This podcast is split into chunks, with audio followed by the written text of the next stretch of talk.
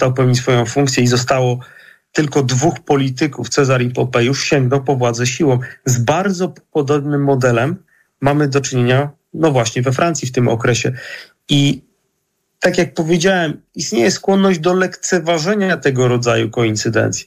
Ale sam Napoleon przez całe życie twierdził, że najważniejszym dziełem, które czytał w ciągu życia, były żywoty równoległe Plutarcha, a przede wszystkim żywot Cezara. Jeśli na to spojrzeć w ten sposób, to można było pewne ruchy przewidzieć. Chociaż oczywiście zaskoczeniem dla wszystkich była śmiałość i zdolność Napoleona do wykonania pewnych ruchów, no ale pamiętajmy, że za nim stoi również jego starszy brat, Józef. Tak, bo to byli dwaj wykonawcy niewątpliwie tego zamachu stanu. Napoleon III. Zacznijmy od tego, że w dwóch kolejnych latach, to był rok 1845 i 46, Francję dotknął nieurodzaj, drożyzna, pojawiły się stagnacja w handlu, bankructwa, upadek banków, także masowe bezrobocie. W lutym 1948 roku wybuchły uliczne zamieszki, które zostaną nazwane rewolucją lutową. Gwardia Narodowa wtedy odmówiła walki z tłumem. Nawet wśród wojska brak było takiego zapału do walki z powstańcami. Król Ludwik Filip e, abdykował na rzecz swojego wnuka, potem uciekł do Anglii, mm, no ale monarchiści byli zbyt słabi, żeby utrzymać dynastię orleańską u władzy i Izba Deputowanych, będąc pod wpływem powstańców, powołała rząd tymczasowy. Ta trwająca zaledwie dwa dni rewolucja lutowa zrodziła drugą republikę. Co ciekawe, od razu o tym powiedzmy, był to ostatni ustrój we Francji ustanowiony w drodze rewolucji właśnie. No i w grudniu 1948 roku odbyły się wybory prezydenckie. Wygrał je Ludwik Napoleon, głównie dzięki masom wiejskim, dla których wciąż żywa była legenda Napoleona Bonapartego. Co ciekawe, również e, Napoleon III jako główny punkt odniesienia oczywiście wskazywał Napoleona I, swojego, no właśnie, e, nie do końca stryja, ponieważ pamiętajmy, że e, Napoleon III był nieślubnym synem E, Hortensji, która była z kolei żoną e, Ludwika Bonaparte. Stąd też w nim krew Bonapartych nie płynęła. No ale wiadomo, że e, krew krwią, wychowanie wychowaniem. I głównym punktem odniesienia do Napoleona III było oczywiście słynny stryj, ale również Cezar. I chyba naprawdę nie ma w tym przypadku, że w rodzie Bonapartych tak silnie eksponowano dążenie do jedynowładztwa, ale nie poprzez urodzenie, nie poprzez błękitną krew, ale poprzez czyny, e, czyli swego rodzaju e, merytokrację. Chociaż w przypadku Napoleona III początkowo oczywiście e, nieco na wyrost.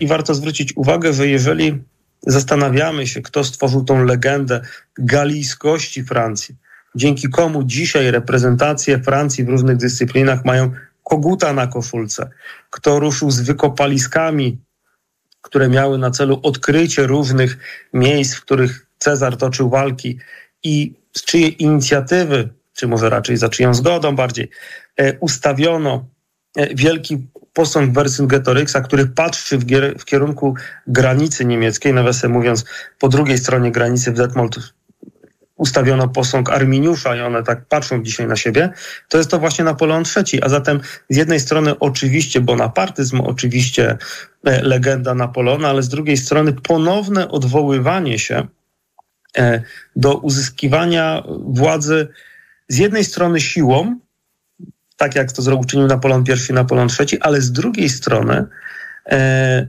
przy jednak dużym aplauzie zwykłych obywateli. E, bo to jest coś, co w, bardzo często pod wpływem Arystotelesa w klasyfikacji ustrojów politycznych nam umyka. Bo gdyby zadać pytanie, e, na kim opiera się tyran w systemie rządów greckich, to przecież nie na innych przedstawicielach elity, ale właśnie na ludzie. Jeżeli byśmy szukali ustroju, oczywiście jest to ustrój, zdaniem Arystotelesa, wyrodzony, zdeformowany, ale jeżeli szukalibyśmy ustroju najbliższego demokracji, to byłaby to właśnie tyrania, ponieważ podstawowym władzem, przepraszam, podstawowym wrogiem tyrana, który zawłaszczył władzę dla siebie, są inni przedstawiciele tej samej grupy społecznej, więc musi się oprzeć na kimś jeszcze. A przede wszystkim, y, opierając się oczywiście na spiskowcach, na być może sile armii, musi również szukać dla nie tyle zdobycia władzy, co utrzymania władzy, poparcia mas. I ten model greckiej tyranii widzimy w przypadku Cezara. Cezar oczywiście sam zdobył tą władzę, ale utrzymał ją dzięki poparciu, oczywiście do momentu jego zamordowania. To samo uczynił Napoleon I i to samo uczynił Napoleon III. Poparcie armii poparciem armii, ale z drugiej strony każdy z nich zabiega jako jedynowładca nie żeby się odseparować od ludu, ale wprost przeciwnie, żeby stworzyć jak największą bliskość emocjonalną, żeby to było zaporą przed zakusami im podobnych, czyli innych przedstawicieli elity. Więc te analogie cezariańskie w przypadku Napoleonów, obydwu, e, są bardzo silne i są bardzo widoczne. E, I wydaje się, że to, że kiedyś dyskutowano właśnie o cezaryzmie, o bonapartyzmie jako pewnej formie sprawowania rządów, e, zanikło pod wpływem, no właśnie, przede wszystkim włoskiego faszyzmu, bo jeżeli popatrzymy na model sprawowania władzy przez Mussoliniego, to on też nie opiera się na elicie. Dla niego też ta elita jest kimś wrogim, no oczywiście jest pewnym tworem, który stworzył tak pogardzaną Italietę, e, czyli powiedzielibyśmy prowadzi, grupę, która prowadziła politykę ciepłej wody w kranie, stosując współczesne analogie, za którą nawiasem mówiąc później oczywiście tęskniono. E, ale on musiał stworzyć swoją elitę, elitę czynu, elitę, która poprzez uczestnictwo w zamachu stanu dowiodła, że może sprawować określone funkcje w państwie. Oczywiście to tak nie działa. Zdajmy sobie sprawę, że ktoś, kto się sprawdza w zamieszkach, w pracy organizacyjnej czy nawet na polu bitwy, nie musi być dobrym politykiem. Nie zmienia to faktu, że chyba odeszliśmy od dyskusji na temat bonapartyzmu e, właśnie za sprawą takiej złowrogiej tradycji włoskiego faszyzmu, czy też faszyzmów łacińskich. A nie wydaje mi się, żeby to był dobry ruch, bo nam dzisiaj mam wrażenie, umykają pewne zjawiska, które zachodzą na naszych oczach, które oczywiście nie są bonapartyzmem, co najwyżej karykaturą bonapartyzmu, ale również opierają się z jednej strony na jedynowładztwie, ale przy szerokim aplauzie, a nawet partycypacji społecznej.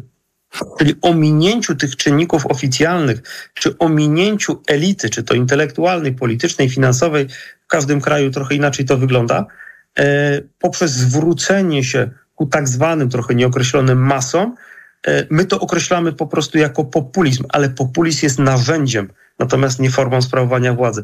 Stąd też e, bardzo e, wyczekuję powrotu do dyskursu politycznego, no takiego pojęcia typu właśnie Cezaryzm Bonapartyzm, bo on bardzo wiele tłumaczy, tylko pytanie, na ile te analogie historyczne są zrozumiałe dla dzisiejszych uczestników procesu politycznego. Tak pozwolę sobie na gorzką uwagę że słuchając wypowiedzi polskich polityków na tematy historyczne, e, niestety nie jestem w tej kwestii optymistą. Ja jeszcze a propos tego aplauzu społecznego, o którym pan e, mówi, to w przypadku Napoleona III zaszła taka interesująca sytuacja, że najpierw był zamach stanu, czyli rozwiązano parlament, wprowadzono stan wyjątkowy, e, aresztowano przeciwników politycznych, a potem odbył się plebiscyt, który zaakceptował ten zamach stanu. I rzeczywiście Napoleona III poparło aż 92% głosujących y, przy wyjątkowo niskiej absencji, bo na poziomie 17%. Powoli zbliżamy się, panie doktorze, do końca naszej mm, audycji, a chciałabym powiedzieć jeszcze słów kilka o y, najbardziej znanym polskim zamachu stanu, czyli o zamachu majowym Józefa Piłsudskiego. Proponuję zacząć żartobliwie, bo w wydanej dwukrotnie w 1926 roku takiej króciutkiej powieści Magdaleny Samozwaniec z pamiętnika młodej mężatki, Ponoć e, to była powieść stworzona w jedną noc i wyłącznie dla zysku, dla pieniędzy, a opisywała ona satyrycznie wydarzenia w stolicy z perspektywy hotelowego okna, przez które to okno wyglądała niejaka panna Mimi, to ten ostatni dzień zamachu, 15 maja, wyglądał w tej powieści tak oto. Spokój, nie ma już wojny. A wszyscy mówili, że to będzie druga wielka wojna, ale nie ma strachu. To była wojna domowa, a co domowe, to zawsze zdrowe. Otwarłam okno, ruch normalny, pogoda śliczna. Nikt do nikogo nie strzela, aż wierzyć się nie chce. Ludzie przedtem traktowani jak zające przechadzają się z takim zaufaniem i z takim wdziękiem, jakby nie było na świecie kul i luf. W cukierniach tłumy. No to po tym optymistycznym wstępie poproszę o słów kilka na temat naszego zamachu stanu dwudziestowiecznego. Można odnieść wrażenie, że dyskutowanie w Polsce na temat zamachu majowego jest obarczone bardzo dużymi wciąż emocjami, natomiast bardzo małą dozą, dozą racjonalizmu. I z jednej strony mamy koryfeuszy kultu Józefa Piłsudskiego, z drugiej strony jego przeciwników, ale w przestrzeni publicznej mało kto zastanawia się e, nad wymową jego działań, bo jeżeli e, zadamy sobie pytanie, z jakimi hasłami Cezar przekroczył Rubikon i de facto obalił republikę, to oczywiście pod hasłami obrony republiki przed nią samą. Jeżeli zastanawiamy się, w jakich okolicznościach Napoleon I sięgnął po władzę, jeszcze nie będąc pierwszy, będąc po prostu e, świeżo upieczonym konsulem, e, to mamy do czynienia również z takim hasłem, że mamy do czynienia z ochlokracją, rządami motłochu, chaosem i trzeba państwo, również Republikę ratować przed nią samą. I ponownie wypada przywołać chyba cieszącego się dzisiaj niezbyt dużą popularnością, a szkoda, de Tocqueville'a, e, który pisał, że lud Francji, a w rozumieniu szerszym po prostu e, społeczeństwa poszczególnych krajów bardzo chętnie e, zamieniają niepewną wolność, która wymusza na nich podejmowanie ryzykownych decyzji, na stabilność, nawet jeżeli ta stabilność oznacza odebranie im de facto praw politycznych, czy po prostu możliwości wpływania na kierunek rozwoju państwa. E, I ponownie, jeżeli. E, odwołamy... Ale mamy już mało czasu, panie doktorze, więc musimy do puenty. Tak, i tutaj właśnie zmierzam do puenty. I jeżeli e, spojrzymy na hasła, pod którymi Piłsudski przeprowadził zamach stanu, no to również jest to ochrona demokracji przed nią samą.